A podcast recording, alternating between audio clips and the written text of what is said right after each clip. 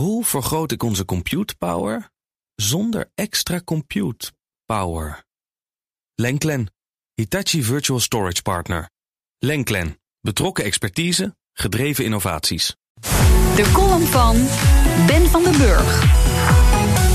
En dan wachten we er al een heel jaar op. En daar is hij dan. De elektrisch rijden monitor van de ANWB. Echter, door de respondenten uitgebrachte antwoorden... die dienen toch genuanceerd, verdiept of ontkracht te worden. Eerste nuance. 65% zegt dat de aanschafprijs van een elektrische auto te hoog is. Terwijl aan de andere kant 46% zegt dat de elektrische auto voordelig is in het gebruik. De laatste groep, die 46% voordelig in het gebruik... dat zijn natuurlijk die leaserijders met die 4% bijtelling. De eerste groep, aanschafprijs hoog, die moeten nog eens goed rekenen. De ANWB hielp ze daarbij.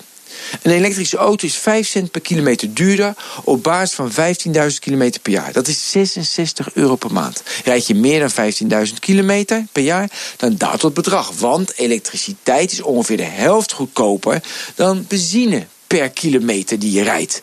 De nuance zit hem dus in het relatief geringe extra kosten die je maakt met een elektrische auto of een benzineauto.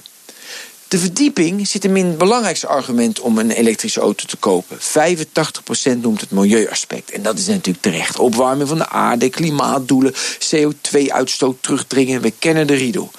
Je moet echt je ogen niet sluiten voor de verbeteringen die nog moeten worden aangebracht aan de accu. Zo las ik een Zweedse literatuurstudie en daaruit blijkt dat de productie van de accu veel broeikasgassen opwekt. Een kleine auto als de Nissan Leaf stoot een kleine 6000 kilo CO2 uit. Voordat je 1 meter gereden hebt, hè? Dat is evenveel als bijna drie jaar rondrijden in een vergelijkbare benzineauto. Gelukkig stimuleren dit soort studies de industrie om de accu milieuvriendelijker te maken, waardoor dit nadeel niet zou worden gedaan in de toekomst. Het laatste argument. De gebrekkige actieradius, dat dient ontkracht te worden. Natuurlijk is een effectieve actieradius van 200 kilometer... en nu met het koude weer nog veel minder, zoals een aantal auto's heeft. Dat is weinig. Maar wie rijdt er dagelijks meer dan 200 kilometer? In ons land. Steek nu je vinger op. Bijna niemand. Een buurman verderop van mij die heeft een, een BMW i3. Hij woont 80 kilometer van zijn werk. Hij laat thuis op, hij laat op zijn werk op.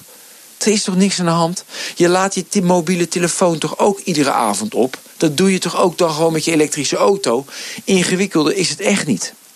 Uit de antwoorden van de elektrische rijden monitor blijkt dat veel mensen de toekomst voor zich proberen te zien, maar dat is niet voldoende. Je moet de toekomst beleven. Daarom sprak mij de 44% van de mensen aan die een elektrische auto willen kopen, omdat ze voorbereid willen zijn op de toekomst. Door de toekomst namelijk te ervaren geef je haar vorm en niet door haar te bedenken. Hoe vergroot ik onze compute power zonder extra compute power? Lenklen, Hitachi Virtual Storage Partner. Lenklen, betrokken expertise, gedreven innovaties.